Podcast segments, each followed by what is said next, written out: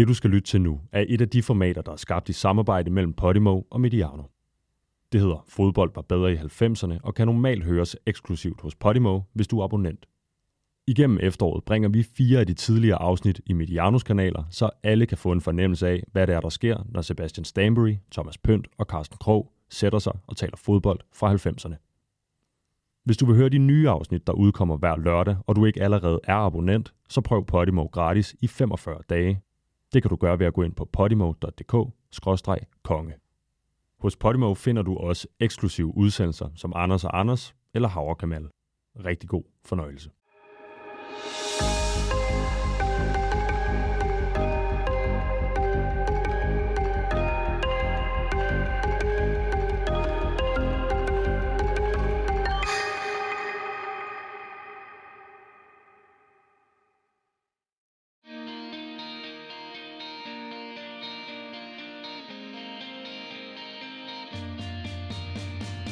Velkommen til Fodbold var bedre i 90'erne. Vi sidder det faste hold her. Carsten Krog, Yes. Thomas Bønt Hej, hej. og Sebastian Stanbury. Det er mig. Hej hej til alle lyttere derude. I dag skal vi tale One Season Wonders. Og det er jo en form for fodboldmæssig udgave af de der one-hit wonders, som, som fyldte så meget i 90'erne. Øhm, jeg ved ikke, hvorfor det lige var 90'erne, men det musikalske scene var der rigtig mange, føler jeg. Det kan lige godt være, at der var lige så mange i 70'erne og 80'erne og 0'erne og 10'erne osv. Jeg føler bare, at 90'erne, det var sådan en rigtig one-hit wonder og 10 med Macarena og øh, Mambo Number 5, altså Crash Test Dummies, mm, mm, mm, mm. Barbie Girl vil nogle udenlandske observatører også kalde for et one-hit wonder, selvom vi også andre også kan huske øh, Dr. Jones og øh, Roses Are Red og My Oh My og alle de der fantastiske sange der. Fantastiske sange, ja. Havde I, har I et yndling one-hit wonder fra 90'erne? Ja, nu tog du desværre barbegøl ud af hænderne på mig her, så, øh, så nu ved jeg sgu ikke, hvad jeg skal finde på. Øh, nej, øh, Chumbawamba, Top Thumping, Ja. må være den, jeg ligesom Og- går med. Og tak for at kalde den, give den den rigtige titel, og ikke bare sige I Get Knocked Down I eller sådan et eller andet. knocked down. Ja, men I det, det er den, down. som... Men den hedder Top Thumping ja. nemlig. Ja. Og øh, altså, jeg, jeg begyndte jo at dække engelsk fodbold i 96, og har, altså, jeg, jeg har boet to år i USA tidligere, og har altid følt, at jeg var sådan meget amerikansk orienteret på alt, hvad der hed litteratur og musik og film. Men så begynder jeg at dække engelsk fodbold i 1996 for Tipsbladet. Og det gør jo så, at jeg får sådan meget mere, meget mere britisk ind undervejs. Ikke? Så i dag vil jeg nærmest sige, at det sådan er halvt og halvt i forhold til engelsk og, og amerikansk. Og der er den her sang sådan noget af det første, der rammer mig deroverfra, kan jeg huske. Altså den er fra sommeren 97, den udkommer. Og jeg har sådan en idé om, at jeg har siddet og hørt den i en taxa et eller andet sted. Det er i hvert fald det billede, jeg har, der sådan, når jeg hører den. Og sidenhen så købte jeg, jeg købte altid alle mulige CD'er med hjem derovre fra, og de havde sådan nogle øh, forskellige, de havde lavede sådan nogle mix-CD'er, man kunne købe. Og der dukkede den så op lige pludselig, og så fandt jeg ud, nå okay, det er det, det er, og så videre. Og ja, så har den ligget på min playlist og, og så videre, og kommer forbi en gang imellem, og det er jo bare et meget fedt nummer. Og så, og så er det rigtig fedt det der med, at den, at, at den er simpelthen inspireret af en aften, de har haft på en pub i Leeds. Det kan jeg godt lide, ikke? I get knocked down, I get up again, ikke? Og he drinks a whiskey drink, he drinks a vodka drink, he drinks a lager drink, he drinks a cider drink. He sings the songs that remind me of the good times. He sings the songs that remind him of the better times. Det Oh, Danny boy. Ej, okay. er et fantastisk nummer. Men Fremragende de har, aldrig, altså, de har faktisk lavet rigtig mange LP'er, og rigtig mange numre sidenhen, men det der, det er jo, det er jo nærmest et globalt hit. Ved du, øh, vi skal også snakke om gang med fodbold til et tidspunkt. Ved du, hvorfor de hedder Chumbawamba? Nej. Det er øh, fra en drøm, et af bandmedlemmerne har, hvor personen er et sted, hvor han ser, han eller hun ser nogle øh, toiletter, altså inde i drømmen. Og i stedet for øh, men and women, så står der bare chomba på den ene og wamba på den anden. Den blev også nummer et i Australien. Så det kan godt være, at de godt kunne lide det der chomba og womba. Det kan godt, det kan sagt, Det, det, kan sagt. helt australsk. Ja, det gør det faktisk. Det kunne godt være, det kunne godt være to dyr med to, to, to punktdyr. Godt forestille sig sådan en eller anden virkelig støvet bar et eller andet sted ude i ørkenen i Australien. Nu kommer ind, og så står der bare chomba og womba på toiletterne. Ikke? Hvad med dig, Carsten? Er der one hit wonder, du husker fra 90'erne? Ja, men jeg, jeg synes jo, den her What is Love med Hathaway, som er, som er et utroligt simpelt, øh, primitivt, og nogen vil også sige, måske ikke den bedste smag i nummer, men jeg synes bare, det sidder i hovedet på en på en eller anden måde. Så det er også lidt fordi, der er lavet den her helt fantastisk sjove musikvideo, jeg ved ikke, om I nogensinde har set med Jim Carrey, hvor de, øh, Jim Carrey og to andre, som er, tager sådan rundt på sådan en aften i byen i Los Angeles, i sådan nogle meget kasseagtige jakkesæt, og så hitter de på alle de kvinder, de overhovedet kan komme til, og de ender i på et, øh, det ene sted, de har en chance for at score ind i- på et alderdomshjem til sidst. Og Jim Carrey, han overdriver så meget i sin, altså i sin uh, facial, de der ting, han kan med, det der, han kan med ansigtet der i, han er det vildeste gummiansigt der, og den der video der, den er simpelthen så morsom, den er til at finde på internettet. Det er, det, det, er jo, det er jo en sketch fra Saturday Night Live, faktisk. Ja. Øh, og ender med at blive en, at blive en film jo af Night at the Roxbury. Øh, Exactly. helt, helt, helt fremragende. I, I Ja, nogle og, der. Will, og Will Ferrell er med i den originale, tror jeg nok, men han er ikke med i den video, man kan se. Og den der, der kommer fra, den der sketch fra Saturday, Saturday Night Live, dem kan du ikke få lov til at se, fordi der er selvfølgelig en masse copyrights på. Så det er noget, det er noget andet, der bliver lavet bagefter, men det minder om den der. Og det er selvfølgelig uh, What is Love, der kører i baggrunden. Og det er jo rigtig nok det der med, at, hvor de, sådan, de bobber med hovedet, når den der dø, dø, dø, dø, dø, dø, den kører. Det er, det er ret fantastisk. Men det er svært at forklare. Man skal, man skal se videoen, den er sjov. Meget 90'er. I har taget nogle gode valg. Jeg tror, mit yndlings One Hit Wonder fra 90'erne er øh, den sang fra Marcy's Playground, der hed Sex and Candy. Jeg ved ikke, om det siger noget. Men det var, jeg mener også, den omkring sådan 97 eller sådan noget. Og det er sådan en bane, hvor jeg tænker, kan jeg vide, om de vidste, de skulle få et, øh, et, et verdenshit, da de kaldte sig noget så uforståeligt som Marcy's Playground. Altså, det er en fremragende sang, men øh, vi skal videre til fodbolden. One Season Wonder er lidt noget andet end One Hit Wonders, fordi der findes jo ikke de der spillere, der spiller 10 sæsoner i Serie 5, og så bliver de Superliga topscorer, og så spiller de i Serie 5 igen sæsonen efter. Øh, Det er jo noget med ofte noget, der går sådan stille og roligt opad, og så piker de, og så øhm, går de nedad igen. Så jeg tror, vi definerer One Season Wonder i den her, som spiller, der har en sæson, som er fuldstændig mageløs i forhold til alt andet, hvad de lavede i løbet af karrieren. Er det ikke en meget, meget god måde at gøre det på? Og det synes jeg bestemt, Ja. i forhold til, Enig. den, til, i forhold til den, jeg har valgt. Vil du starte med en pynt? Så kan vi høre, hvem du har valgt. Ja, det kan vi godt. Øhm, ja, fordi mit One Season Wonder, han spiller 660 kampe på højt niveau i England og scorer 282 mål. Ikke i en sæson. Nej, han spiller 7,5 sæson i, i Premier League, hvor han scorer 92 mål i 263 kampe. Hvordan kan sådan en mand være et one season wonder, når det her det bare råber op på stabilitet? Det kan det være på grund af den sæson, som øh, han har i 1999-2000, hvor øh, Sunderland rykkede tilbage i Premier League. De har været en enkelt sæson deroppe før det, i 96-97, men øh, kommer så op der i 99. Da de rykker ned i 1997, der gør de nemlig det, at de køber en ung angriber i Watford, der hedder Kevin Phillips. Han spiller ned i den tredje bedste række. Og øh, det var en kæmpe succes, at de købte ham. I hans første sæson i Sunderland, der scorer han 29 mål i den næstbedste række, og bliver delt topscorer i rækken med Pierre van Højdonk fra Nottingham Forest. Og i den næste sæson, der bliver han skadet, så der når han kun at score 23 mål, men dog kun i 26 kampe. Og øh, Sunderland klarer sig fantastisk alligevel, og de rykker så op i Premier League, hvor Kevin Phillips så står for første gang. Han har haft sådan en lidt speciel karriere, inden han står i, i Premier League. Øh, han er kommet ud af Southamptons akademi, hvor man mente, at han skulle være bak. Og de mente ikke, at han var god nok som bak, så derfor så fik han aldrig nogen kontrakt. Øh, men han havde alligevel sådan lidt fornemmelse for det her med at være angriber, fordi en af hans opgaver, som han, da han var på akademiet, det var at sørge for, at Alan Shearers støvler, de altid stod knivskarpt. Så han var, han var Alan Shearers støvledreng. Han får ikke kontrakt, så han øh, går ned og, og spiller langt ned i rækkerne for noget, der hedder Baldock Town, hvor han også spiller bak nede. Og så efter en sæsons tid, så har de en kamp, hvor alle deres angriber pludselig er skadet.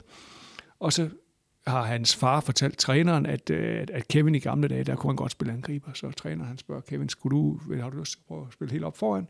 Det kunne han da godt, og skulle han to gange. Øh, der går alligevel et stykke tid, før at han ligesom kan sige, øh, sige sit job som lagerarbejder op og rykke op i rækkerne.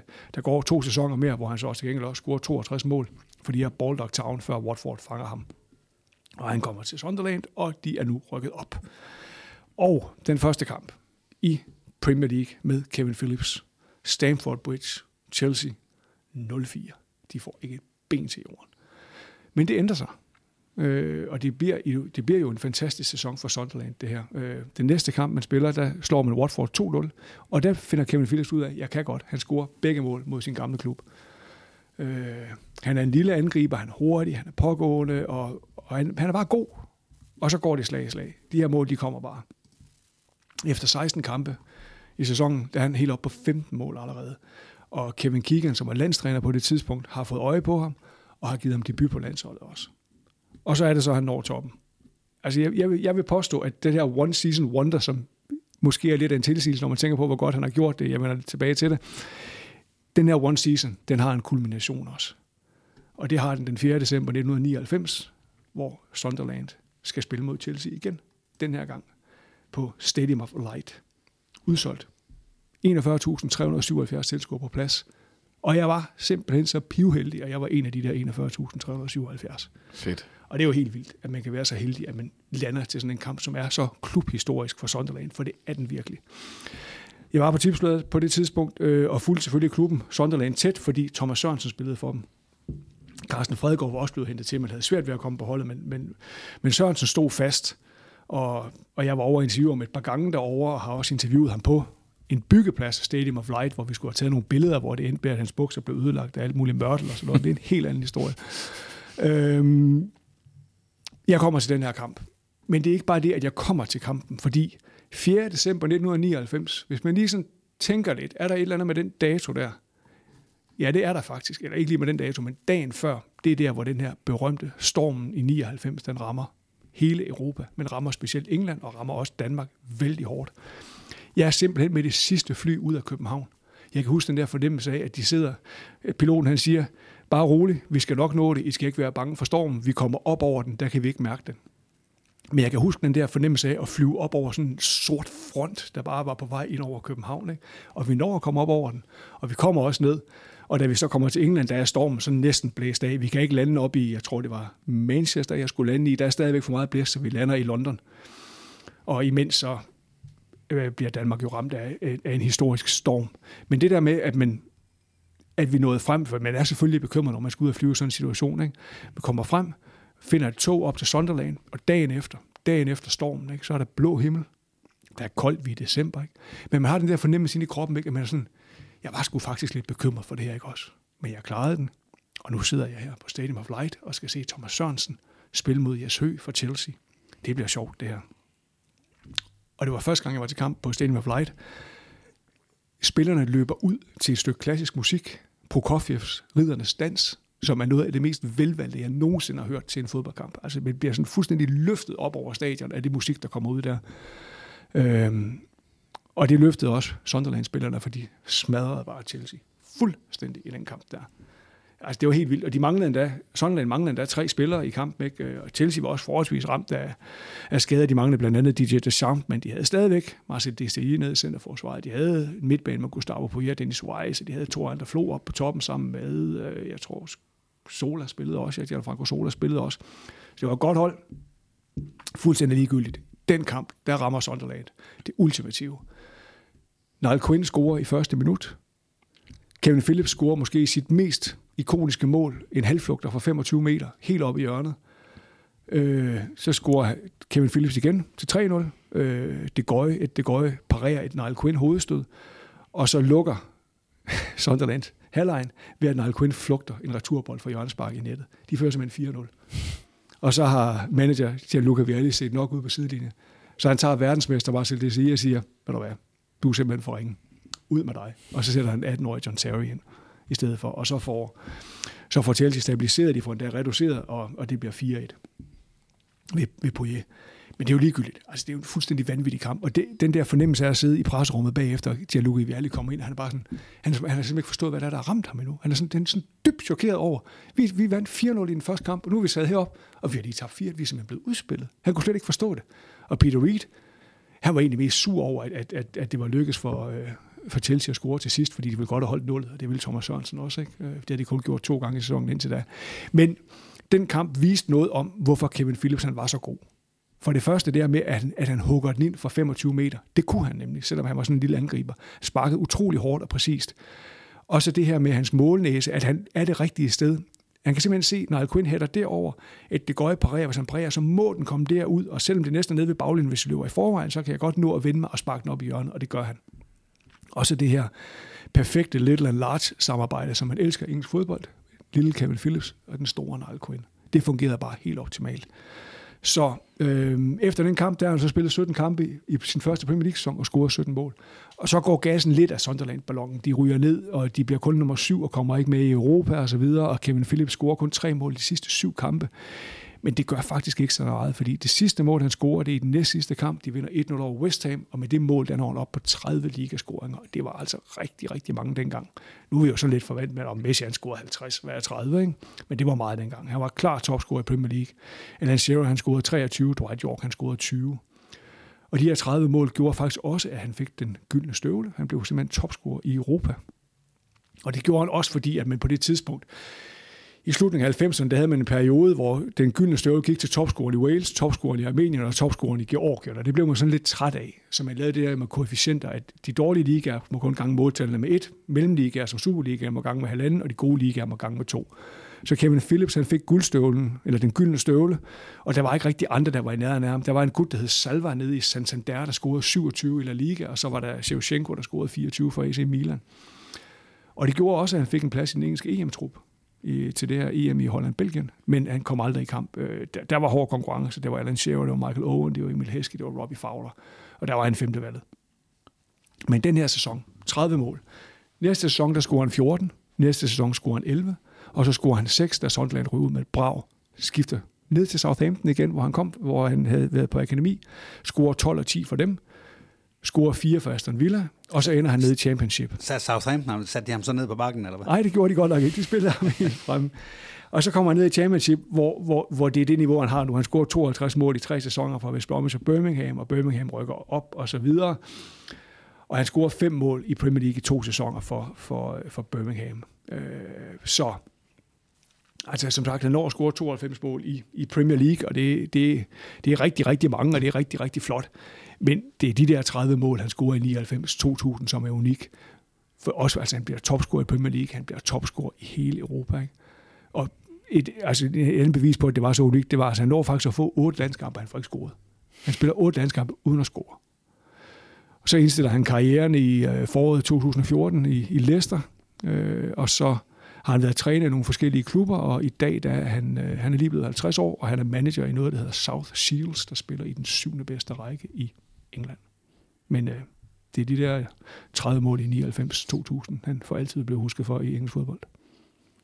Og det er det, der skrevet sig i historiebøgerne, som vinder en gyldestøvle. Jeg kan huske, at jeg så ham på Vejle Stadion inden den sæson, mm. hvor Vejle, så, så, Sønderland på grund af Thomas Sørensen var på en, en lille turné i, øh, i Danmark og tabt med OB til res, øh, med deres reserver, mener de taber 2-0, og så tager de på Vejle Stadion og spiller med fuld hold i sådan en opvisningskamp og vinder 4-0.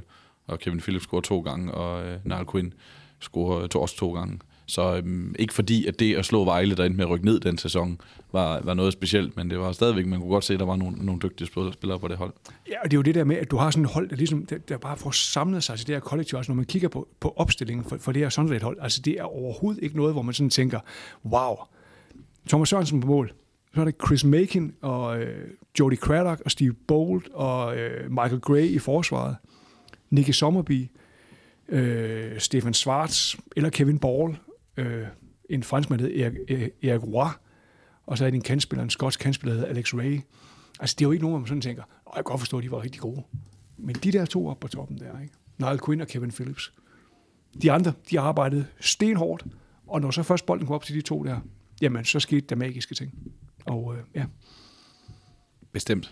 Øh, der var jo også, altså Michael Graver, kan huske, var på landshold, som han spillede nede i Championship. Han får landsholdsdebut, inden de rykkede op. Ja. Så, så der var... Øh... Og, så, og Nicky Sommerby var rigtig god også, ikke? Og Steve Bowl var den her gamle Arsenal-kæmpe, og Thomas Sørensen ved vi jo, hvor god han var, og var landsholdsmålmand i mange, mange år. Så, så det var ikke noget dårligt hold, men det var heller ikke sådan et hold, hvor man bare tænkte, hold da kæft, de er gode dem der. Men de to op på toppen, de var gode.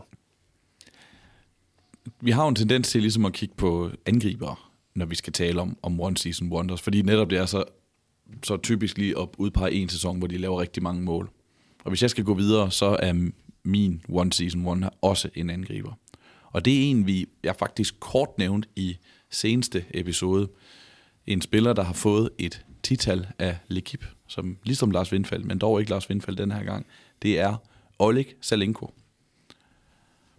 Og Oleg Salenko, han er jo kendt for at score fem mål i en VM-kamp mod Kamerun den spiller, der har scoret flest gange i en VM-kamp tidligere. Vi har også nævnt ham tidligere endnu, fordi det også var den kamp, hvor Roger Miller han scorer og bliver VM's ældste målscorer nogensinde. Og derfor er i øvrigt taget et billede af dem efter kampen. Det synes jeg er meget fint, at, de, at de, der er det, findes et billede af Roger Miller og Alexalenko efter den her kamp. Det er, altså, det er så fedt med sådan nogle billeder, ikke også? Ikke? Vi står her næsten 30 år efter og snakker om det, ikke? Og kunne vi om fotografen? Jeg skal lige sørge for, at de der to sammen. Det kan det godt være, det er lidt besværligt, ikke? Og Mille han er sikkert sur over, at de har fået tæv, ikke? Og Slenko, han vil gerne have taget billeder, ikke? Og, og så det med, altså, det er skønt med de der gamle billeder, der lige bliver gravet frem. Det var lige det øjeblik der. Det må have været sjovt at være fotografen, der har stået og taget det, og måske ikke tænkt særligt over det. Mm. Og så viser det sig bare, om ikke være ikonisk, så være noget, som vi snakker om i en podcast knap 30 år efter. Ja, og jeg er glad for, at det findes. Ja, lige præcis. Fotografer, de har et vigtigt, øh, vigtigt job for at skildre fodboldhistorien og den generelle historie. Meget vigtigt. Oleg Salenko, han starter sin karriere i Zenit Leningrad, som det hedder, i dengang i, øh, i Sovjetunionen. Og debuterer som 16-årig og scorer faktisk i sin debutkamp, og er sådan en, en vældig angriber, tager senere til Dynamo Kiev. Han har, øh, han har jo et, øh, han har russisk mor og ukrainsk far. Det kan man spekulere på, hvordan han har det med situationen i dag. Øh, og, øh, og en dygtig angriber, og har sin bedste sæson i Sovjetunionen, eller i, i, i, på, på den side af, af, af jerntæppet, da han scorer 14 mål i 28 ligakampe for Dynamo Kiev i 1991. Og det er et velvalgt tidspunkt, fordi det er jo efter muren er faldet, og det er muligt ligesom at komme til øh, øh videre ind i til, til Vesteuropa. Og der er faktisk mulighed for, at han skal til Tottenham, men han vælger Logrones i Spanien og scorer syv mål i sæsonen 1992-93, og så har vi det, der ligesom bliver mit bud på hans one season wonder i 1993-94, hvor han scorer 16 mål i La Liga. Øh, en rigtig, rigtig dygtig angriber, som tiltrækker sig opmærksomhed og, øhm, og, og, og gør det glimrende, og får faktisk også inden VM et skifte til Valencia så han, så han skal, man skal spille for efter sommerferien 1994. Men det, der ligesom topper det op og gør det til en speciel sæson, det er selvfølgelig VM-slutrunden i USA, fordi han har hans bedste sæson nogensinde, det er de 16 ligamål for, øh, for, øh, for, for Logrones i, i La Liga, men så topper han det lige op med, et, med et historisk VM. Som sagt, russisk mor og ukrainsk far, han får faktisk en landskamp for Ukraine, en uofficiel landskamp for Ukraine i 1992, men har mulighed for at vælge Rusland, og da Rusland skal til VM i 1994, så skifter han over, og så tager han, øh, tager han dem. Og han får øh, debut for Rusland i november 1994. Og så er han med op igennem foråret, eller, undskyld, november 1993 selvfølgelig, og så er han med op igennem øh, foråret 1994. Det er et, et kaotisk tid i russisk fodbold, det her. Øh, der er mytteri blandt mange spillere, der er utilfredse med, med træneren øh, Pavel Sadyrin, Øh, øh, og der altså, mange spillere kommer simpelthen ikke med til VM. Mange af de bedste spillere, Andrej Kanchelskis fra Manchester United, kommer ikke med til VM. Og der er mange mangel på angriber, hvilket så selvfølgelig er en, er en chance for vores øh, ven Oleg. Øh, landstræner Sardurin Sardirin, han siger, If you win the World Cup, it will be a miracle on the scale of flying saucers but if we can end the tournament among the strongest te- but we can end the tournament among the strongest te- teams, siger han øh, inden turneringen. Så der er ikke store forhåbninger. Og det er faktisk også et dårligt russisk VM. De øh, starter med at tabe til Brasilien, der Alexalenko indskifter, og øh, gør ikke det store væsen af sig. Så starter han ind mod Sverige, scorer på et straffespark, øh, men øh, Rusland taber alligevel, og er så godt som ude før sidste kamp mod, mod Kamerun.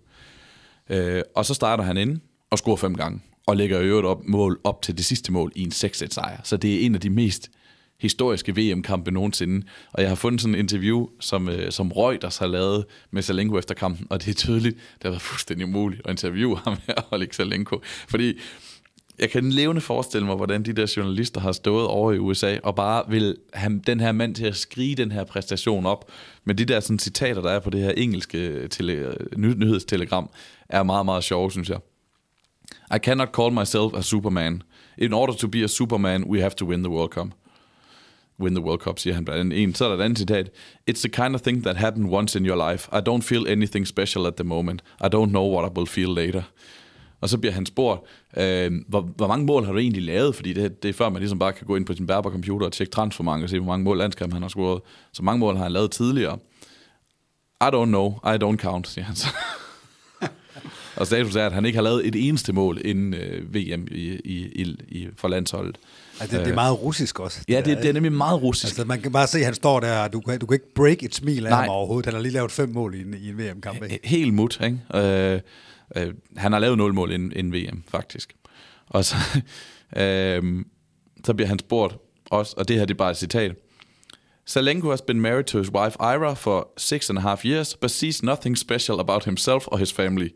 He could not even recall doing anything special before the match that might have boosted his performance. Så han er fuldstændig umulig at slå et ordentligt citat af øh, for det her, for det her øh, Reuters bureau her. Og så slutter det jo simpelthen bare der for Oleg Salenko. Han bliver topscorer uden at gå videre fra puljen. Det er en historisk begiven, altså en historisk præstation af del topscorer sammen med Christoph Stoichkov ved det her VM. Og så efter VM, så spiller han aldrig landskamp igen.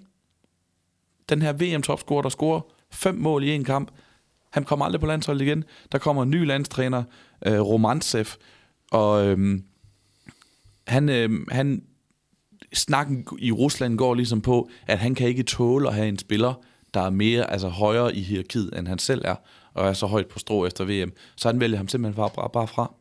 Og øhm, kom, kom aldrig til at spille landskamp igen, da, da, da de der bølger ligesom er døde ned, jamen så er han for meget skadet til at, øh, til at, at, at, at gå med, øh, og komme med på holdet. Og karrieren kommer heller ikke op på samme niveau. Han har en okay suc- succesfuld sæson i, i Valencia, øh, og får, øh, hvor han scorer syv mål, og så kommer han en tur til, øh, til øh, Rangers i Skotland. Men det bliver ikke godt. Han kan ikke lide at være der, og han slutter karrieren med at tage til Istanbulspor i, i Tyrkiet, hvor han scorer okay i sin første sæson, og så er han tur til, tilbage i, så sådan i Cordoba i Spanien, og så slutter han i, øh, i, i Polen. Øhm, det bliver aldrig bedre, end det var i den der... Jeg troede personligt, inden jeg gik i gang med det her, at det var 1994 v, VM-sommeren, men han, faktisk, han var faktisk også god i, rigtig, rigtig god i Logronæs inden. Ikke? Så det blev bare aldrig bedre for ham, end det var i, i 1993-94 øh. øh han er blevet øh, tilbudt et, øh, at sælge sin støvle, sin gyldne støvle, som man får for at blive VM-topscorer. Men den står og har været udstillet, han har ikke solgt den, og den har været udstillet på restauranten på det olympiske stadion i, øh, i Kiev, hvor han, han boede ved, ved seneste, seneste tælling. Smukt. Ja, det var historien om Oleg Zelenko. Det var det. Du kigger på mig, Sebastian. Ja, det er fordi, jeg godt kunne tænke mig at høre, hvad din historie er, Carsten. Jamen, det siger jeg da mange tak for. Så vil jeg da forsøge at overgå det der. Det bliver svært.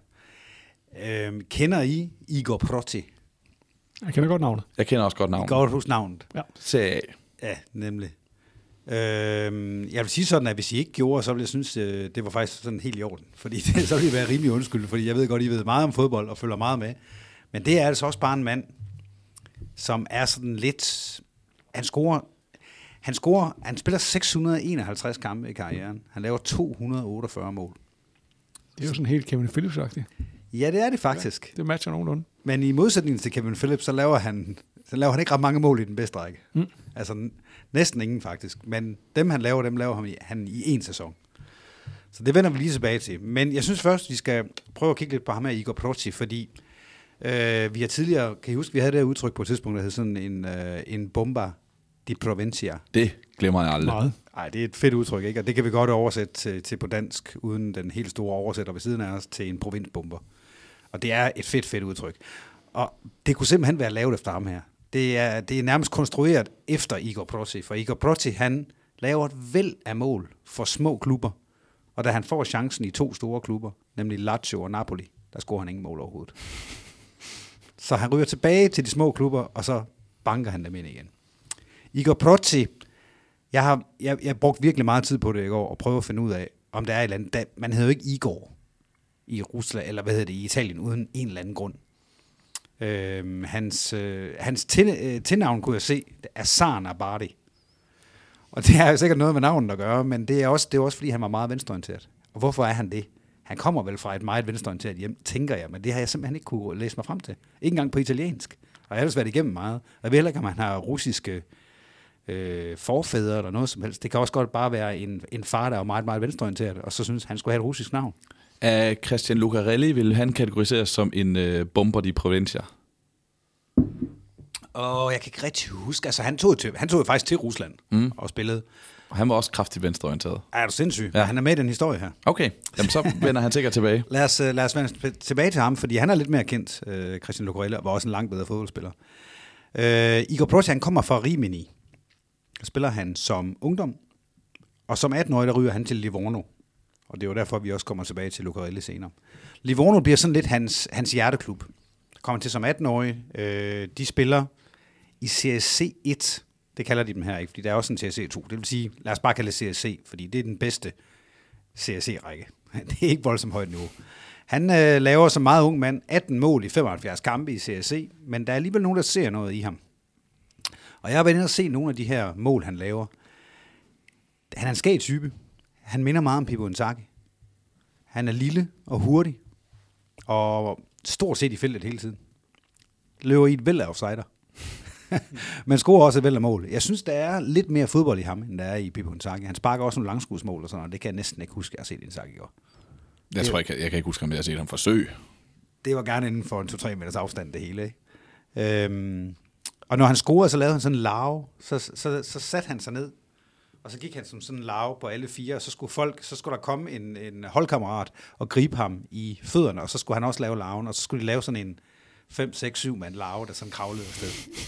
Og jeg ved ikke rigtig, hvor han har fået det fra, men det må have været voldsomt irriterende for modspillerne, tænker jeg. Øh, så er han også kendt som, som sådan en, der, han, altså han ligner en, der har sovet på en resteplads, som man sådan lige har taget med i spillerbussen. Han var ubarberet, han er langt, uredet, uredet fedtet hår. Noget af det der gamle øh, footage, jeg har fundet på YouTube, og sådan der, man kan næsten ikke se ansigtet. Altså, der, han er sådan helt dækket af, af sort hår. Øh, det er meget skægt. Han går videre til Messina, Serie B, der laver han 31 mål i 106 kampe. Igen, det lyder ikke af frygtelig meget, men I skal huske på, at det er den her periode, hvor der bliver lavet meget få mål i italiensk fodbold. Altså 31 mål i 106 kampe, det er, det, det er sådan et mål hver tredje kamp. Det, det er nogenlunde pænt. Så ryger han til Bari, 92, og øh, der laver han 9, 6 og 7 mål de tre første sæsoner. Det er jo ikke spillet imponerende. Det her det er med afstand den største klub, han er i. Øh, men så kommer den her magiske sæson i øh, 1995-96 sæson. Og der har de spillet, han har været med til at rykke dem op to første sæsoner. Så spiller han den første sæson i Serie A med Bardi, hvor han laver syv mål. De klarer sig lige nøjagtigt, hvor de ikke rykker ned. Og den næste sæson, der laver han 24 mål for Bardi. Og bliver delt topscorer med Beppe Signori fra Lazio. Og det, han starter som død og djævel, scorer i allerførste kamp mod Napoli, og øh, derefter så går det stok over stok og sten. Han kommer langt foran alle andre på topscorelisten. Det er jo som sagt dengang, man ikke scorer specielt mange mål. Så 24 mål er mange mål. Og så går det en lille smule stå til sidst. Det hjælper heller ikke, at Bardi taber de ni sidste kampe, de spiller. Og rykker ned. Så han bliver simpelthen den eneste Serie A-topscorer nogensinde. Så han er også historisk. Ligesom, øh, øh, li, altså ligesom Salenko er. Der er simpelthen ingen, der har gjort det her før, og heller ikke siden. Du er ikke rykket ned som topscorer, men han rykker ned som topscorer. Øh, så han får lige lavet et par mål til sidst, så Beppe Signoli når ikke at overgå ham. Men Signoli, han får også sin topscore-titel, så det, det er vel ganske i orden. Han rykker ned i Serie B, men der vil han jo ikke med ned nu, fordi nu har han lavet 24 mål. Så han tager til Lazio. Så Lazio, de køber ham, så skal han spille op øh, på toppen sammen med Beppe Signori. Det går ikke særlig godt. Han er faktisk ikke sådan specielt god til at spille fodbold. Så det der med at spille på et øh, tophold, det fungerer ikke rigtigt. Han laver syv mål i Lazio. Så bliver han lejet ud til Napoli, der laver han fire mål kommer han tilbage til Lazio og laver to mål. Med andre ord, du ved, vi har prøvet ham, og nu er han dumpet mm. øh, for den gode Proti. Og så tænker man jo faktisk, at hans karriere er ved at være over, fordi han er, han er allerede ved at være lidt små gammel. Han, øh, han ryger til Reggiana, og der er han ikke rigtig nogen succes, laver også kun 8 mål, det er Serie B. Nu er han 32 år gammel. Og man begynder jo at tænke, det var nok det. Han har trods alt spillet, siden han var en 16-17 år. Men nej, der kommer et, et kæmpe stort efterår for ham i de lavere rækker. Han ryger til Livorno, tilbage til Livorno, hvor han jo var i tre år på et tidspunkt, og var meget glad for at være igen den her meget, meget venstreorienterede mand, der ryger til den mest kommunistiske by. Øh, i Livorno er en meget interessant by. Jeg var der for mange år siden, og jeg var i Firenze for at se nogle fodboldkampe. Så tog vi til Livorno, fordi det var der, man tog færgen over til Sardinien i Livorno. Og der havde vi set et par dage i Livorno. Og Livorno er ikke bare en meget, meget venstreorienteret by. det er også en anarkistisk by. Og anarkisterne er jo noget helt andet end de venstreorienterede også. Men der er i det hele taget sådan et, et meget, meget stort øh, politisk frirum, så længe du ikke er højorienteret. Så er der ikke noget frirum overhovedet i Livorno. Så han ryger tilbage til Livorno, for straks, øh, det er en stor mand i Livorno, Livorno er en lille klub, spiller Serie C på det her tidspunkt. Han får straks anførerbindet. Og så responderer han på en eller anden måde. Han laver 11 mål den første sæson i Serie C. Den næste sæson, der laver han 22 mål. Og nu er han altså 34 år gammel. Den næste sæson, og der er han 35, der laver han 27 mål i Serie C. Og rykker dem op i Serie B. I Serie B spiller han to sæsoner med, hvor han lavede 23 og 24 mål. Og så rykker han dem op i Serie A. Stadig anfører. Og i Serie A, der, der, der, der kan han så kun spille, fordi nu er han også blevet 38 år gammel. 37 år gammel, undskyld. Og der, laver, der spiller han 27 kampe, så, hænger han, øh, så siger han, det må være det. Jeg har lavet min mål nu. Og der laver han seks mål den her sæson. Og så giver han faktisk, og der er sådan et godt billede af det, så giver han sit anførbind til Christian Lucarelli, som jo er den her søn af byen, som har været i Rusland, tjener en masse penge, kommer tilbage til Livorno, som er den eneste klub, han vil spille for, og starter en kommunistisk avis. det, det, men Lucarelli skal vi også have fat i på et tidspunkt, men det er en, en virkelig interessant og sød historie. Så øh, det, det er den måde, han slutter karrieren på, Igor Protti. Og han er jo han er selvfølgelig en helt i Livorno. Og det er sjovt det der med, at han er saren af Bardi, bare på grund af den ene sæson, fordi Bardi er ikke stort for ham. Men det var den der øh, one season wonder, det var i, i Bardi, fordi det var der, han, han ligesom gjorde det på højeste niveau. Og det kunne han ikke rigtig andre steder. Jeg synes, det er en fin historie, det der. Det synes jeg virkelig også, fordi det er, jeg synes, det er helt legitimt at kalde ham et one season wonder, fordi altså, han har en sæson, hvor han bliver topscorer i Serie A for et nedrykkerklub. Øh, men samtidig så har han det her karrierens meget, meget, meget øh, fine Indian sommer, hvor han bare bomber mål for Livorno. Øh, ikke på helt højeste niveau, men, men stadigvæk øh, som en, en held. Ja, og man kan sige... Som en zar. Som en zar, ja. Nemlig. Det sjove er jo, at han går tre sæsoner nærmest uden at lave mål. Altså i, der i begyndelsen af 30'erne, ikke? Og så, så tager fanden ved ham. Ja, det, det, det er meget voldsomt. Det, jeg synes, de der, de der italienske topscorer nede fra de lavere rækker, som, som kun kan lave mål dernede, det, er, det, er, det er nogle sjove historier. Og ham her ham ved vi jo faktisk kun noget om, fordi han lige har den der ene sæson. Jeg vil jo aldrig gå tilbage og finde ham her af andre grunde. Jeg vil jo ikke vide, om der er en eller anden, der har lavet 300 mål i CSC i, i 15 år. Altså. Men fordi han har den her ene sæson i Bardi, ikke, så ved man godt lige, hvem han er. Altså, de ved også godt, hvem han er nede i Italien. Han bliver selvfølgelig sammenlignet med Dario Hubner. Altså, det, det er jo også lidt det samme karriere-trail, selvom Hubner laver meget flere, han laver mange flere mål på, på højere niveau. Ikke? Men han blev også gammel, da han lavede rigtig mange mål, og så var han også bare en, uh, en bomber de provincia. Som I kan huske, så trak vi sæsonen 2017-18 i Europacup i sidste episode. Så vi er relativt tæt på nutiden, men dog er også langt nok fremme til, at vi godt kan, kan skue den her lidt i historisk kontekst. Vil du ikke starte på den og sige, hvad, hvad fandt du af interessante ting for den her sæson?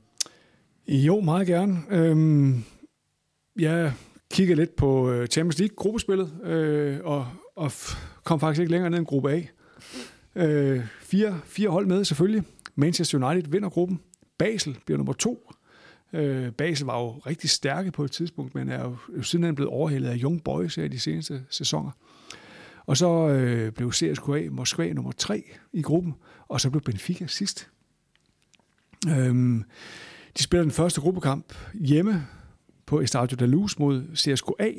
Øh, Haris Seferovic bringer Benfica foran 1-0, og så scorer de ikke mere i det Champions League-gruppespil. Det var simpelthen det. og så er en meget mystisk angriber, Haris Seferovic, ja, Seferovic han laver. Virkelig. CSKA når at score to gange, så de vinder den kamp med 2-1, og så går det ellers bare helt, helt håbløst. Øh, Benfica slutter sidst med en målscore på 1-14 og 0 point. Og det er jo en ting, men det er ikke det, jeg kan huske, det Benfica holdt for i den sæson. Øh, det, det var faktisk meget god, altså det var sådan en okay sæson, de blev nummer to i ligaen og så videre, men de har store målmandsproblemer hele vejen igennem sæsonen. Og det har de, fordi at de i sommeren 17 sælger første keeper Ederson til Manchester City for 300 millioner kroner. Nå, hvad gør vi så? De har øh, den efterhånden 38-årige Julio Cesar, den gamle brasilianske landsholdskeeper, stående, men de er usikre på, om det skal være ham, men så har de sendt en ung keeper op til Vittoria Setubal, Bruno Varela hed han, Så ham hiver de hjem igen, bruger nogle Ederson-pengene på at købe ham tilbage igen, og så er det ham, det skal være. Men det går ikke særlig godt. Øh, det er Bruno Varela, der står mod CSKA Moskva, hvor de taber 2-1. Det er ikke så godt. Så får Julio Cesar chancen mod, øh, ude mod Basel. Han tager de 5-0. Det dur heller ikke. Hvad skal vi så finde på? Den øh, cheftræner Rui Vitoria, han har givet en, øh, han har givet chancen til tredje keeperen i en pokalkamp øh, i november, og han tænker, han gjorde det faktisk godt. Jeg prøver at satse på ham til de her to kampe. Vi skal spille nu mod Manchester United. 18 år gammel, Mile Sviler hedder han. Han, øh, han kom fra Anderlecht i sommeren 2017 til Benfica. Han var et stort talent i Anderlecht, en man virkelig regnede med. Han spillede på 19-holdet allerede, da han var 15. Men han kommer ikke i førsteholdstruppen i 2017-2018, og det er han så irriteret over. Selvom han altså ikke er mere end de her 18 år, at han skifter til Benfica. Blandt andet efter at snakke med Nemanja Matic, der jo havde spillet i Benfica også. Og hvorfor snakker han med Nemanja Matic? Jamen det gør han, fordi at at selvom han er, er vokset op i belgisk fodbold, så øh, er hans far jugoslavisk øh, landsholdsspiller og, og med serbiske rødder, så derfor så snakker han med Nemanja Matic om det ene og det andet, og Benfica vil gerne have ham, og de giver ham endda nummer et. Øhm, og ja, han debuterer som sagt den her pokalkamp inden, de vinder 1-0 ude mod Olanense, og så skal han simpelthen stå hans anden kamp for Benfica. Det er i Champions League på hjemmebane, igen i Stadio da Luz, der er koger og så videre, fordi nu kommer Manchester United, og nu skal vi vise, hvad vi kan. Og der er sådan et, øh, der ligger nogle klip på YouTube fra, fra kampen, ikke? og med den der panorering hen over, hen over spillerne, mens hymnen den, den, den øh, lyder ud af højtalerne, ikke? og man kan se den her 18-årige dreng, der står med sådan en lang krøllet hår og rødt pandebånd, og så står han bare og smiler. Fordi nu skal han spille Champions League. Han er kun 18 år gammel, og så kan de lære det op i andre læg. De ikke vil have ham i førsteholdstruppen, og så videre, og så videre. Han er simpelthen den yngste keeper i Champions League-historien. Han er 18 år og 52 dage gammel på det her tidspunkt, så han slår Iker Casillas rekord. Han var 18 år 177, da han debuterer. Og så er det jo skønt med sådan en ung keeper, at han, han er rigtig god. Man kan, man kan se det på ham. Han er en god keeper. Han er sådan en rigtig sweeper-keeper, sådan Manuel Neuer. Hans første aktion, det er at løbe uden for feltet og klire bolden med et flyvende hovedstød for næsen af Lukaku. Han har et par rigtig gode fodparader fra forsøg fra Martis og fra Martial. Men du kan også godt se, at han er 18 år. Du kan godt se, at han er usikker. Og, og United, de bruger det. De sætter mange høje bolde ind, og de sætter Lukaku tæt på ham, ikke, for at se, om de kan forvirre ham. Øhm, men han, han får reddet det meste, eller han får reddet det hele, men, men, men jeg kan godt se, at det ikke fungerer så godt. Og så går det altså helt galt efter en times spil. Jeg kan godt huske det. Ja, Marcus Rashford, han slår et frisparkindlæg ind over, og det er et dårligt frisparkindlæg. Men Miles Vilar, han han, der kommer nogle United-spillere mod ham, så han tager sådan lige et skridt tilbage for at gribe bolden i fred og ro. Og United-spillerne opgiver, de godt ser, at han har den. Men det her skridt, han tager tilbage, det giver ham et momentum, der bare fortsætter bagud med bolden. Så han tager to skridt mere, og da han stopper op, der står han inde i målet med bolden. Og han rækker bolden frem, og sådan den er stadigvæk på stregen. Og nej, det er den ikke. Der kan være en bold mellem bolden og stregen. Jeg kan huske, det, det, det er så helt grotesk ud, det der. Fuldstændig vanvittigt. Det er det første mål imod hans seniorkarriere. Det er godt nok også kun hans andens kamp. Men, men altså, jeg kan huske det der blik i hans øjne. Ikke? Det der med, altså okay, jeg ved godt, jeg er førsteårs, men at lave sådan en rookie mistake her i Champions League for en millioner af tv-seere. Altså han var sådan helt, han var helt slukket. Men han kommer op igen og har et par gode aktioner resten af kampen også, og, og de taber 1-0, og bagefter der kommer Lukaku over og, og trøster ham. De er jo begge to med belgisk relation. Og det får ikke træneren til at reagere. Han tænker, nej, det gik fint. Du får også returkampen på Old Trafford. Hvor øh, igen i den her øh, intro, som man viser, ikke, hvor man kan se, Lukaku han stopper lige op ved ham, da de går forbi hinanden, og så giver han ham en stor knus. Fordi bare roligt, det skal nok gå, ikke? selvom det er hans modstander. God fyr, Lukaku. Ja, virkelig, virkelig. Øhm, og igen, han viser, at han er en god keeper. Han har nogle rigtig fine redninger, bedre end han er nede i Benfica. Han redder en mod en, både for Rashford og Lukaku, hvor han er hurtigt fremme. Han redder et straffespark fra Anthony Martial, selvom han godt nok står 2-3 meter ude, da han får fat på bolden. Den var aldrig gået i dag, i forhold til det der med, at de skal have en fodboldstreg, når der sparkes. Men igen, altså skæbnen er bare ikke med ham i det her Champions League. Øhm, lige før halvtid, der sparker øh, Nemanja Matic fra 25 meter flat. Han går ned efter den. Han kan ikke nå den. Det er et godt spark. Den rammer stolpen, ryger tilbage, rammer Svila på skulderen og triller i mål.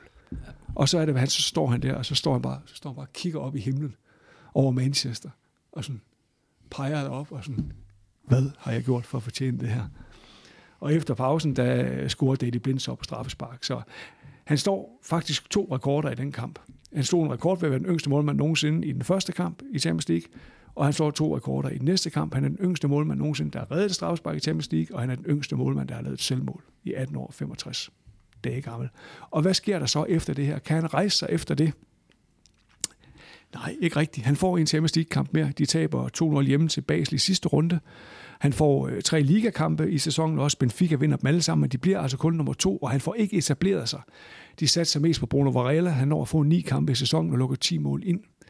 Og så sker der så det, at man i sommerpausen køber den græske landsholdskeeper Vlachodimos, som jo stadigvæk står for Benfica. Han har stået fast, han har stået godt siden. Så han har kun fået 11 kampe mere for Benfica, den her unge belgisk slash serbiske målmand. Der er altså noget op på... Han er der stadig. Nej, det er jo så det. Det er jo så det, fordi han havde kontraktudløb i den her sæson. Og Jose Mourinho kunne godt huske, han var Manchester, manager for Manchester United i de her kampe i Champions League. Han kunne godt huske den her unge målmandstalent. Så han øh, har faktisk øh, tilbudt ham en kontrakt i Roma, hvor han har fået en femårig kontrakt, fordi Milas Vilar vil selvfølgelig gerne til Roma. Og nu bliver det jo vildt spændende at se, hvad der kommer til at ske med den her unge, stadig unge keeper. Er det en fremragende keeper, der blev knækket af den her kamp mod Manchester United? Eller kan han stadig folde sig ud? Eller kan han overhovedet slå, slå sig ind på holdet? Øh, Romas første keeper, det er jo Rui Patricio, han er 34. Hvad kommer der til at ske? Det bliver vildt spændende at se, og jeg, jeg, jeg krydser fingre for ham. Jeg håber, jeg håber, at det viser sig, at han bliver en stor keeper. Men der er jo nogle målmænd, der bare knækker ved, ved sådan nogle ting der, ikke? og det, det var voldsomt. Det var en voldsom fejl, han lavede. Altså, det var ikke nogen særlig imponerende sæson. Rui Patricio sådan set spillede den første øh, sæson. Altså, det, øh, han blev købt for omkring 100 millioner, hvilket er mange penge i Serie A. Øh, mange penge i Roma. Mm. Og han er 34 år gammel. Det er en mand, man ikke kan sælge igen. Så man, man skulle jo tro, at det var en målmand, der så ville gå ind og direkte forstærke det her hold lige med det samme. Og det, det, jeg har set en del af Romas kampe, det, det har været både op og ned. Jeg, jeg, synes, jeg synes, han har lavet mange fejl. Men Miles Villa har 20 kampe for Benfica på de her fire sæsoner, han har fået, eller fem sæsoner, han har fået det ned. Det, altså, hvis han var god nok, så havde han jo stået. Så det, det, blev, det, er heller ikke, det er heller ikke nu og her, han skal slå ham af. Det kommer han ikke til. Det også det, de snakker om, at det er til fremtiden men også til at styrke med det samme. Ikke? Øh, så lige til sidst, han er jo ikke den yngste keeper i, i Champions League-historien længere. Der, det er faktisk blevet slået. Øh, Marcin van der Voort var 17 år 287 dage, da han stod i mål for Genk i december 2019. De taber ude 4-0 til Napoli, og han har jo bidt sig fast som øh, første keeper, ham her van der Voort. Øh, og han er den ældste målmand i den her målmandsgruppe, de har i Genk. Han er 20 år. Så man må sige, de er altså ung på målmandsposten var meget fint. Og ja, også belgisk rødder, ligesom uh, Miles ja, Villa har. det må man sige. Det er sjovt. Carsten, hvad med dig? Jeg mener, det er også noget gruppespil, vi skal tale om, ikke? Jo, det er så. Øh, og det er faktisk, vi skal hjem til Danmark. Vi skal faktisk en tur til, til Herning. Så bliver folk altid glade, når man siger det. Øh, og se lidt på FC Midtjyllands deres lille kampagne, deres europæiske kampagne i 2017 blev det sådan set kun, fordi de nåede aldrig at kvalificere sig til et gruppespil, desværre i 17.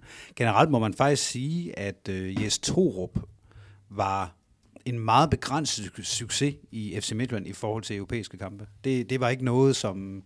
Det var ikke en opskrift, som han på noget tidspunkt fik, fik dyr på overhovedet. Altså, man kan sige, at han var, han var en del af det her hold, som slog Southampton tilbage i 2015. Der var han lige kommet til klubben, så spørgsmålet er, hvor meget han havde med det at gøre. Jeg tror kun, han havde været der i et par måneder dengang. Det var der, hvor Glenn Ridersholm forsvandt under stor virak lige pludselig efter det første mesterskab i, øh, i klubbens historie. Og derefter så lavede de faktisk ikke andet end kiks under, under Jes Thor. Men her der starter de med, at de skal møde Derry i første runde. og det er altid rart at få Derry i, i Danmark, ikke? fordi det er sådan et hold, hvor du kan så godt sætte lidt halv, halv yndlingehold afsted, og så vinder du helt sikkert alligevel. De vinder 10-1 i de her to kampe. Og Paulo Nuaccio laver fire ud af de her 10 mål. Kan I huske Paulo Nuaccio? Stor, stærk. Du kan tro, vi kan huske okay. Paulo Nuaccio. Okay. Nigeriansk ja. angriber. Det var en angriber, som øh, desværre havde en tendens til at forsvinde i de vigtige og de store kampe. Men til gengæld altid lave en masse mål mod, mod Kjellerup i pokalen og, og mod Derry, altså den slags der. Og så tog så til Belgien og blev en kæmpe stjerne. Og blev en kæmpe stjerne, ja. Og det, det, det var der jo meget tvivl om, det kunne, om, om, fordi hvis man kigger på de tal der, så var der jo noget, der tyder på, at han ville få det svært mod, mod de gode hold. Men øh, den belgiske liga er jo rimelig stærk, og der har han gjort fint. Så. Han, spiller, han spiller vel i Genk sammen med ham her? den unge keeper. Ja. Ja. I, og så jeg godt lide, at du sagde det der med, at, at det er altid godt at få Derry. Prøv at spørge AGF, om det er godt at få Laren. så nogenlunde samme kategori, ikke? Og jo, men FC Midtjylland er jo ikke AGF. Er det ikke Derry, den der uhyggelige by i Stephen Kings øh, øh, univers? Hedder den ikke Derry? Det mener jeg bestemt, den gør. Jo, jo. Hvor øh, Pennywise er clown huserer og sådan noget. Ja. Jo, det kan godt passe. Det er så i Maine, ikke? Jo, Og Og det, er, alt, alt, alt Stephen Kings foregår i Maine. ja, Så og det, er, og det er en opdigtet by, den findes ikke i virkeligheden. præcis. Nej, det er nemlig rigtigt, ja. Nå, men anyway, de vinder 10-1 over Derry, og så skal de en tur til Ungarn mod Ferencváros, øh, som jeg for øvrigt har været inde og se en kamp med en gang. Det er, det er jo en stor, gammel, fin klub. Ja, for sådan. Øh, der er ikke så mange penge i Ungarns fodbold længere. Øh, det kunne man også godt se i den her kamp. Og noget af det interessante, jeg synes, den, den første kamp, det er sådan den, jeg hæfter mig mest ved, der går de derned, så vinder de 4-2 FC Midtjylland i en kamp, hvor jeg faktisk synes, at de var næstbedst. Og det er man jo sjældent i en kamp, at man vinder 4-2. Men øh, det er blandt andet også fordi, at øh, Ferenc Vakos Julian Kok, han får rødt kort lige før pausen. Jakob Poulsen spiller, hvad der næsten må være hans livskamp dernede. Han laver tre mål, Jakob Poulsen. Øh, to af dem er selvfølgelig på straffespark. Det man jo lige at sige, det giver sig selv. Men han laver også et, et rigtig godt mål ud af det. Og det sidste mål sætter Paul Onuachu så ind. Og det er den første kamp.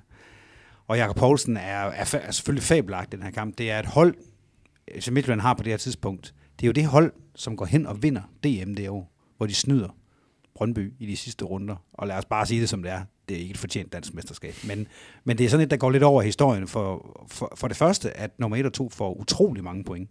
Begge hold. For de laver ikke andet end at vinde i foråret. Begge hold. Og så sker der jo det her nede i, øh, nede i Horsens. Er det, ikke, er det ikke i Horsens, hvor de spiller 2-2 Præcis. Brøndby? Kjartan Finnbog og sådan. Det skal man ikke øh, minde Brøndby-fans om, det der. Øh, man kan så sige, Det har du så lige gjort. Beklager derude. Ja, man kan så sige, at Brøndby de tog den jo tilbage her i sidste sæson, hvor de så også vandt et, et lidt ufortjent mesterskab, men øh, sådan er det. Det, er, det- er det nogensinde ufortjent, når man bliver mester?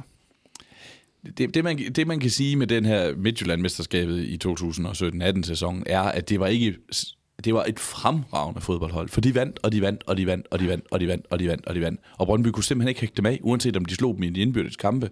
Men Hvilket de det var gjorde. bare, ja, det gjorde de nemlig. Brøndby vandt 3 ud af 4 På nær den sidste. på nær den sidste, sidste, det- der, der, der- der tippede den, ikke?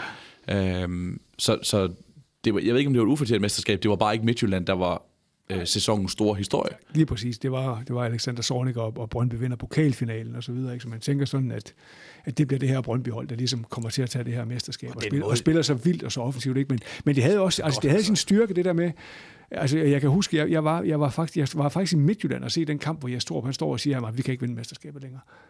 Og øh, ja, det, det var, og, og vi var, kan ikke huske, vi var sammen i parken, Sebastian, og se den der kamp mod, øh, hvor FC Midtjylland, de slår FCK i næst sidste runde. Jo.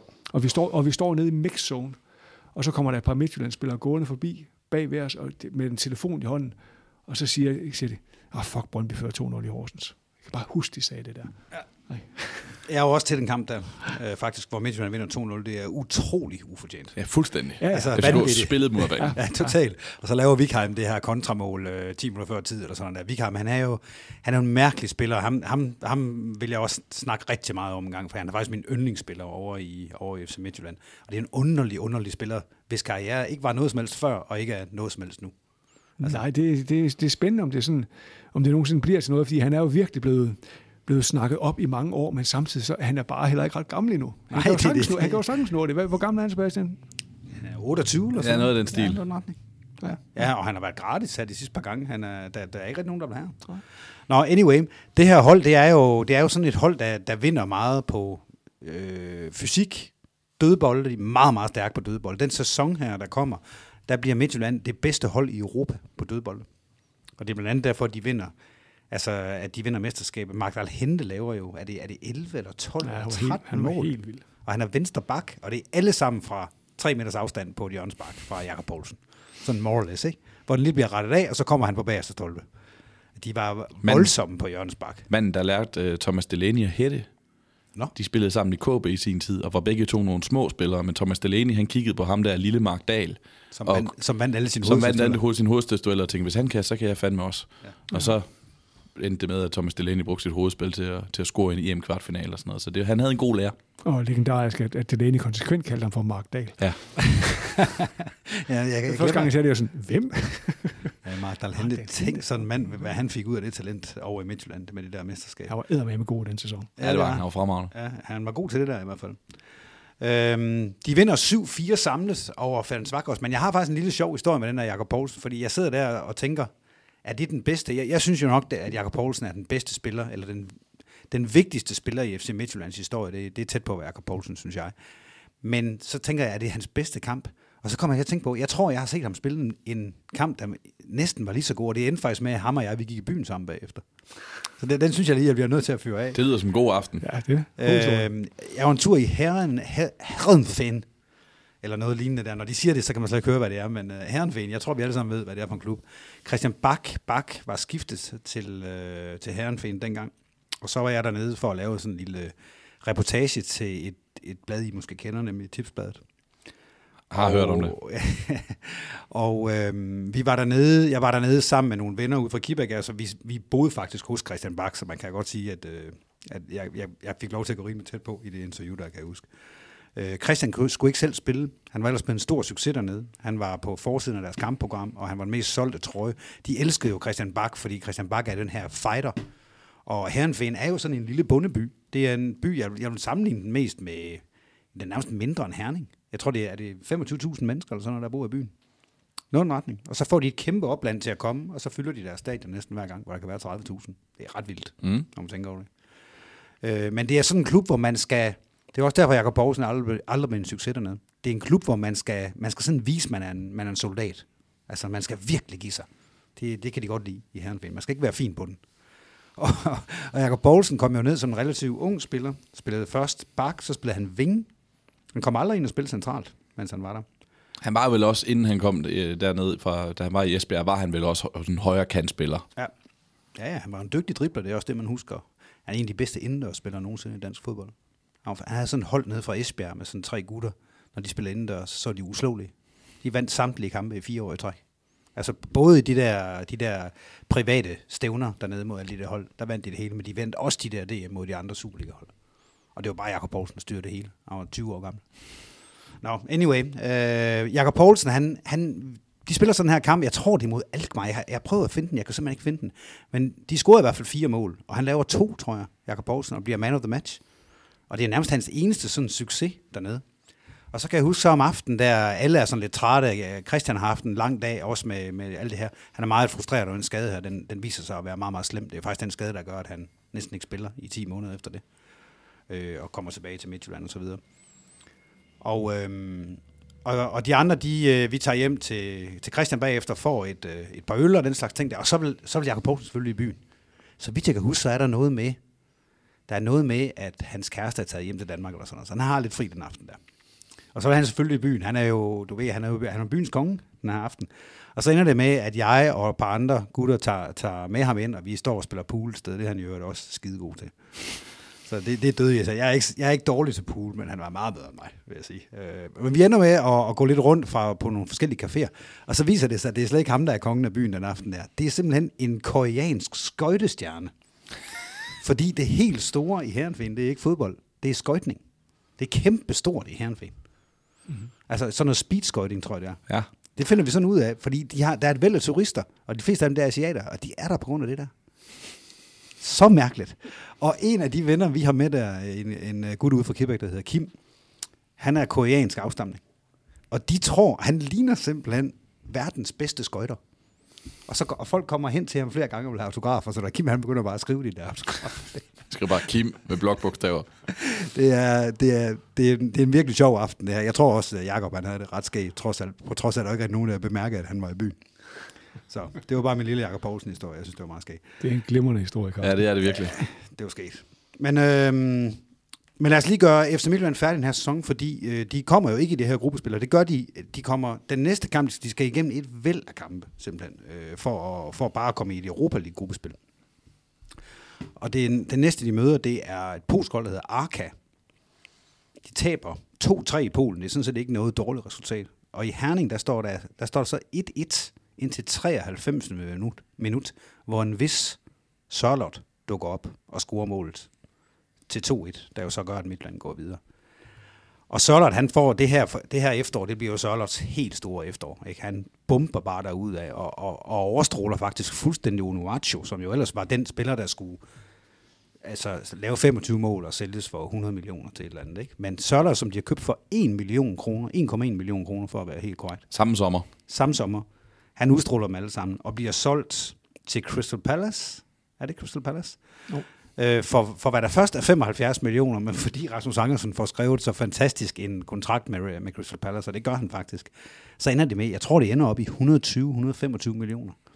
Det- For, fordi kontrakten kommer til at afhænge, vil du sige det, Sebastian? Ja, har du, jeg tror, du er mere styr på det. Ja, det er noget med, at de får de der ekstra cirka 25 millioner kroner for at overleve. At når, når Crystal Palace overlever, så kommer der yderligere øh, 25 millioner kroner i kassen i de to første sæsoner, og det gør de.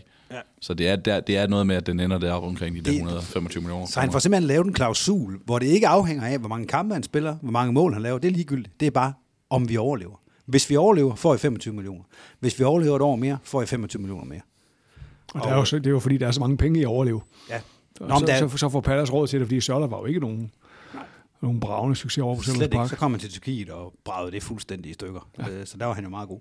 Men det er meget skægt det der med, at der er, faktisk, der er sådan set logik i det. Den virker, det virker som en vanvittig klausul at få i, men, men der var meget logik i det. Og det var, man må sige, det var godt set af, af Rasmus Angersen, som så måske dummede sig en lille smule med Onuachu der, hvor han holdt lidt for længe på ham, og så skuffede han enormt meget, og så fik han kun 45 millioner for ham, eller hvad det nu var.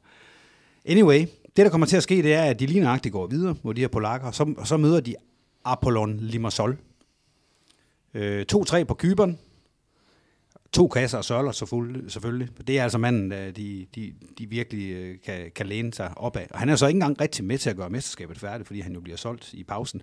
Og så spiller Paul Nuaccio to kampe eller sådan noget i foråret, og så bliver han rygskadet for resten af sæsonen. Så de spiller faktisk hele foråret, hvor de vinder og vinder og vinder, uden angriber. Sådan more or less. Altså de har ingen. De spiller med Vikheim og Duelund frem hele foråret der. Det, er jo, det gør det bare endnu mere utroligt. Men de havde jo et forsvar, der ikke lukkede mål ind, og så scorede de altid et mål på Jørgens Park, ikke? Hvis, hvis Vikheim ikke prikkede ind. ind. Sådan Ja, altså, det. de havde Mark Dahl, ikke? Som, som en stor topscorer. Mark Dahl. Jeg vil til at kalde ham Mark Dahl. Ja, ja, det, det, det, det, det, har vi, det har vi gjort i mange år. det, Så, det lyder super velkommen i godt. klubben. Øhm, og dermed intet gruppespil. Jeg kan huske, at jeg så de der kampe mod uh, Apollon Limassol, og, og altså, Hvad ændrede turkampen, ser du? Den bliver 1-1 i Herning, og dermed så ryger de ud. Og, og hvis man så de der to kampe, nu så jeg lige lidt af det igen, og så kom jeg også til at huske kampene, og de bliver udspillet. Midtjylland, de møder simpelthen et hold, der, der har spillere, der spiller på et meget, meget højere og meget hurtigere niveau. Og problemet, det var jo lidt med Torup. Og det var en af grundene til, at han ikke klarede sig godt i Europa. Det var jo fordi, han var god til at lave et traktorhold. Et meget, meget stærkt traktorhold, lidt hårdt sagt, som spillede primitivt, øh, men, men de var svære at spille imod, især i Danmark, fordi vi i Danmark ikke havde de offensive spillere til at spille rundt om de her lidt store, lidt langsomme spillere. Men når man så mødte bare et bare nogenlunde anstændigt europæisk hold, så var man altså i problemer. Så hans øh, europæiske rekord for FC Midtjylland i S2, den er desværre ikke ret god, må man sige. Så det var sådan set bare min lille historie om øh, FC Midtjylland i, øh, i Europa, og så Jakob Poulsens måske bedste kamp nogensinde. Hvis det ikke var den der, han spillede nede her. Finn. Det synes jeg var en fin historie. Jeg synes lige, vi skal tale lidt om Real Madrid til at lukke den her episode. Ja, lad os det. det, Ja, det selvfølgelig. dem skal vi snakke om. Jamen, jeg synes egentlig, altså vi nævner dem hele tiden, men det er meget sådan de bisætninger, fordi jamen, de vandt selvfølgelig også den der sæson og sådan noget. Men lad os, lad os lige tage den her sæson, 17-18 sæson, og måske hele den her periode, de har her. Jeg sad for nylig og kiggede sådan på, hvilke spillere har vundet flest Champions League titler. Og den spiller, der har vundet flest titler, det er Paco Gento, Real Madrid-legend, den legendariske ving fra deres, øh, deres, deres store hold fra 50'erne og 60'erne. Der har seks Champions League-titler. Og så er der en håndfuld, ironisk nok, spillere med, øh, nej, mere, meget mere end en håndfuld. Der er mange spillere, der har fem titler. Og det er Juan Alonso, Alfredo Di Stefano, Rafael Lesmes, Marquitos, Hector Rial, José María Saraga, og, øh, som har vundet fem titler. Og de havde dem fra at de var med til at vinde Real Madrids fem titler fra 1956 og 60. Altså de fem, de vandt i træk de første fem turneringer. Og så er det Alessandro Costa Curta og Paolo Maldini, der begge to har vundet fem med Milan. Og så er det bare en bunke af de spillere, vi har nu. Øh, det er Gareth Bale, Christian, øh, Karim Benzema, Dani Carvajal, Casemiro, Isco, Marcelo, Nacho og Luka Modric. De har alle sammen fem titler, fordi de har været i Real Madrid i alle de fem titler, hvor de har vundet fra 2014 og frem til 2022.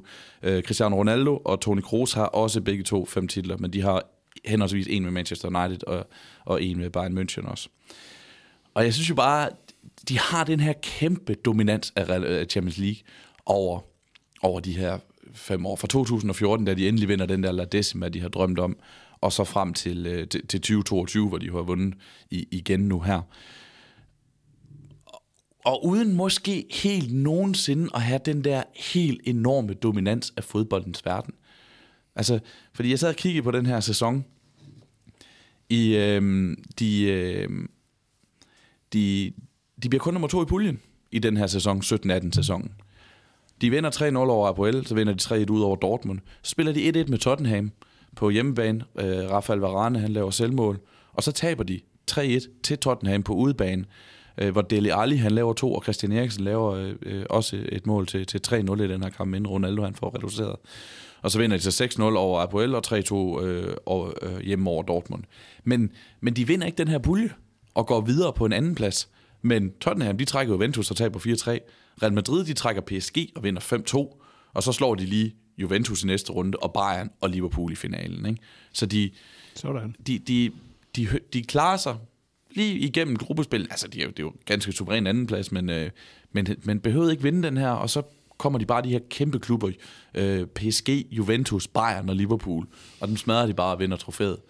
Og året før det, hvis vi tager, de vinder de her tre i træk, 2016, 2017 og 2018, som vi taler om her. Og i 2016, der vinder de der, eller 15-16 sæson, der vinder deres pulje suverænt. Men i, øh, der har de fem sejre og en uafgjort mod PSG og Shakhtar og Malmø. Men i 16-17, så bliver de også to år i puljen. Der har de tre sejre i puljespillet, og så har de øh, øh, tre uafgjorte. De spiller blandt andet 3-3 ude med, mod Legia Warszawa, hvor det sådan, det, hvordan, hvordan gør det for Real Madrid? Og så bliver de to øh, og trækker Napoli, vinder 6-2, trækker Bayern, vinder 6-3, øh, trækker Atletico i, og vinder 4-2, og så møder de Juventus i finalen, som vi har talt om for et par afsnit siden. Så det er ikke sådan hold, der bare smadrer sig gennem gruppespil i den her periode. De, øh, de, de, de, de sørger bare for, hvad de skal, og så vinder de, når de kommer videre. Ikke? Og i, man kan også kigge lidt på det her med, at de der fem turneringer, de har vundet, 14, 16, 17, 18 og 2022. Der er kun to af de sæsoner, hvor de har vundet mesterskabet hjemme i Spanien i samme sæson. Hvis du kigger på Barcelona, så har de fem Champions League-titler i, i historien. Og dem, dem har, i de, alle de fem sæsoner, hvor de har vundet Champions League, jamen der har de også vundet mesterskabet hjemme i Spanien i samme sæson. Og det gør Real Madrid ikke nødvendigvis. Til gengæld har de flere, eller har lige så mange mesterskab, øh, Champions League-titler siden 2014, som Barcelona har i hele klubhistorien. Så det er bare en, en turnering, eller en, en klub, som formår at dominere det her Champions League, og vinde de her Champions League-turneringer, som også nogen anden. Ja, undskyld. Øh, man kan også sige her, det er den sidste Champions League, de vinder her over, over Liverpool, at øh, deres, de er jo ikke særlig imponerende i puljen. Der de spiller, de to kampe, de spiller mod Inter, der, de, de ender med at vinde, men, men, men Inter er bedre end dem, altså i begge kampe. Og, og, så, og så vinder de, og det er også det, der er så, det jeg synes, der er med Real Madrid, det er, jeg, jeg sammenligner dem altid, jeg tænker altid, de er lidt ligesom Pete Sampras i, i tennis. ja, undskyld, jeg lige laver en parallel der, men det er fordi, Pete Sampras har været i... Også i hvidt. Han har været i 14 Grand Slam turneringer, eller Grand, Grand Slam finaler. Han har vundet 12 af dem. Altså når han kommer så langt, så er han bare farlig. Når han først kommer så langt, du kan godt slå Pete Sampras i tredje runde af French Open og sådan noget. Det kan godt lade sig gøre. Du kan også godt slå ham i, i tredje runde af Australian Open, hvis han har en dårlig dag og sådan noget der. Det, det er ikke, han er ikke sådan en, der forberedt sig utrolig meget på de andre spillere. Der var endda en kamp en gang, hvor, man, hvor, man, hvor, hvor, hvor journalisterne de sagde efter kampen, det så ud som om, du var overrasket over, at han var venstrehåndet. Og så, og så sagde han, ah, men det, jeg var ikke helt sikker. Og det er så, så lidt, altså, så lidt gik han op i det. Han var, altså, han var ikke sådan, gik op i det. Han var ikke tennisnørd, og han tænkte ikke rigtig over det der. Han var bare sådan, han, som han sagde til, øh, til journalisterne, hvis, øh, hvis jeg spiller godt, så, så ved jeg, at jeg er rigtig svær at slå. Og det, det er jo meget, meget øh, underspillet, det der. Men altså, 12, 12 sejre i 14 finaler. Bjørn Borg, øh, 11, nej, jo, nej, Nej, det, det vil jeg ikke sige mere. Men det er også noget i den retning, der når han kommer til finaler, så vinder han dem. Og det er det samme med Real Madrid. Her i 2022, ikke, når de i de sidste kampe her, de møder, de møder PSG, og de møder Manchester City. To af verdens fire bedste hold, mere eller mindre. Og så Liverpool i finalen, også et af verdens fire bedste hold. Og dem vinder de bare. De har ikke været særlig imponerende indtil det. Og de er egentlig heller ikke specielt imponerende, de kampe. De skal tabe dem alle sammen. Ikke? Men de vinder dem alle sammen. Der, der er bare, de leverer bare, når de skal dem her siden de tabte øh, Champions League eller Europa Cup finalen til øh, til til Aston Villa i 81, der har de været i otte finaler i den bedste europæiske klubturnering, og de har vundet de otte af dem. Ja. Så det, det bekræfter, hvad du siger der, Carsten. Og undskyld, nu, kom jeg, nu har jeg kommet til at tænke over det. Sampras vinder 14 af 17 finaler. Det er Bjørn Borg, Mm. som vinder 12 af 14. Undskyld, det var derfor, jeg sad der med Borg og sådan noget der, fordi jeg ved, at Sampras han er, han er 14 slams, fordi alle mine passwords er Sampras 14. Det skal du jo ikke sige.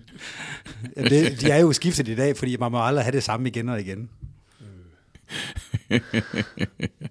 Lad os lukke den der, og så lad os trække øh, næste, næste runde af, af Europacup-rouletten. Næste sæson, vi skal til. Er der en af jer, der vil trække? Kan du trække ind de gamle? Ud af OB Metax hatten.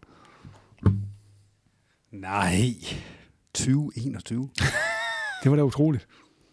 Det var ja. da helt vildt. Jamen, øh, vi kører. Ja. De skal nok dukke op på et Vi tidspunkt. bliver nødt til at adlyde hatten. Ja, det gør vi. Altså, vi, øh, Metax-hattens øh, ord er lov. Det siger vi.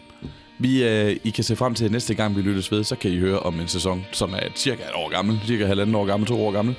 Øhm, og tak fordi I lyttede med.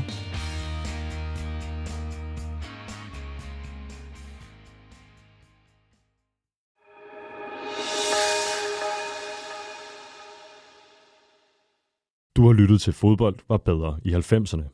Et format skabt i samarbejde mellem Podimo og Mediano. Det kan normalt høres eksklusivt hos Podimo, hvis du er abonnent. Men igennem efteråret bringer vi fire af de tidligere afsnit i Medianos kanaler, så alle kan få en fornemmelse af, hvad det handler om. Hvis du gerne vil høre de nye afsnit, der udkommer hver lørdag, og du ikke allerede er abonnent, så prøv Podimo gratis i 45 dage. Gå ind på podimo.dk-konge. Hos Podimo finder du også eksklusive udsendelser, som for eksempel Her går det godt, eller Livet ifølge Emil og Thomas.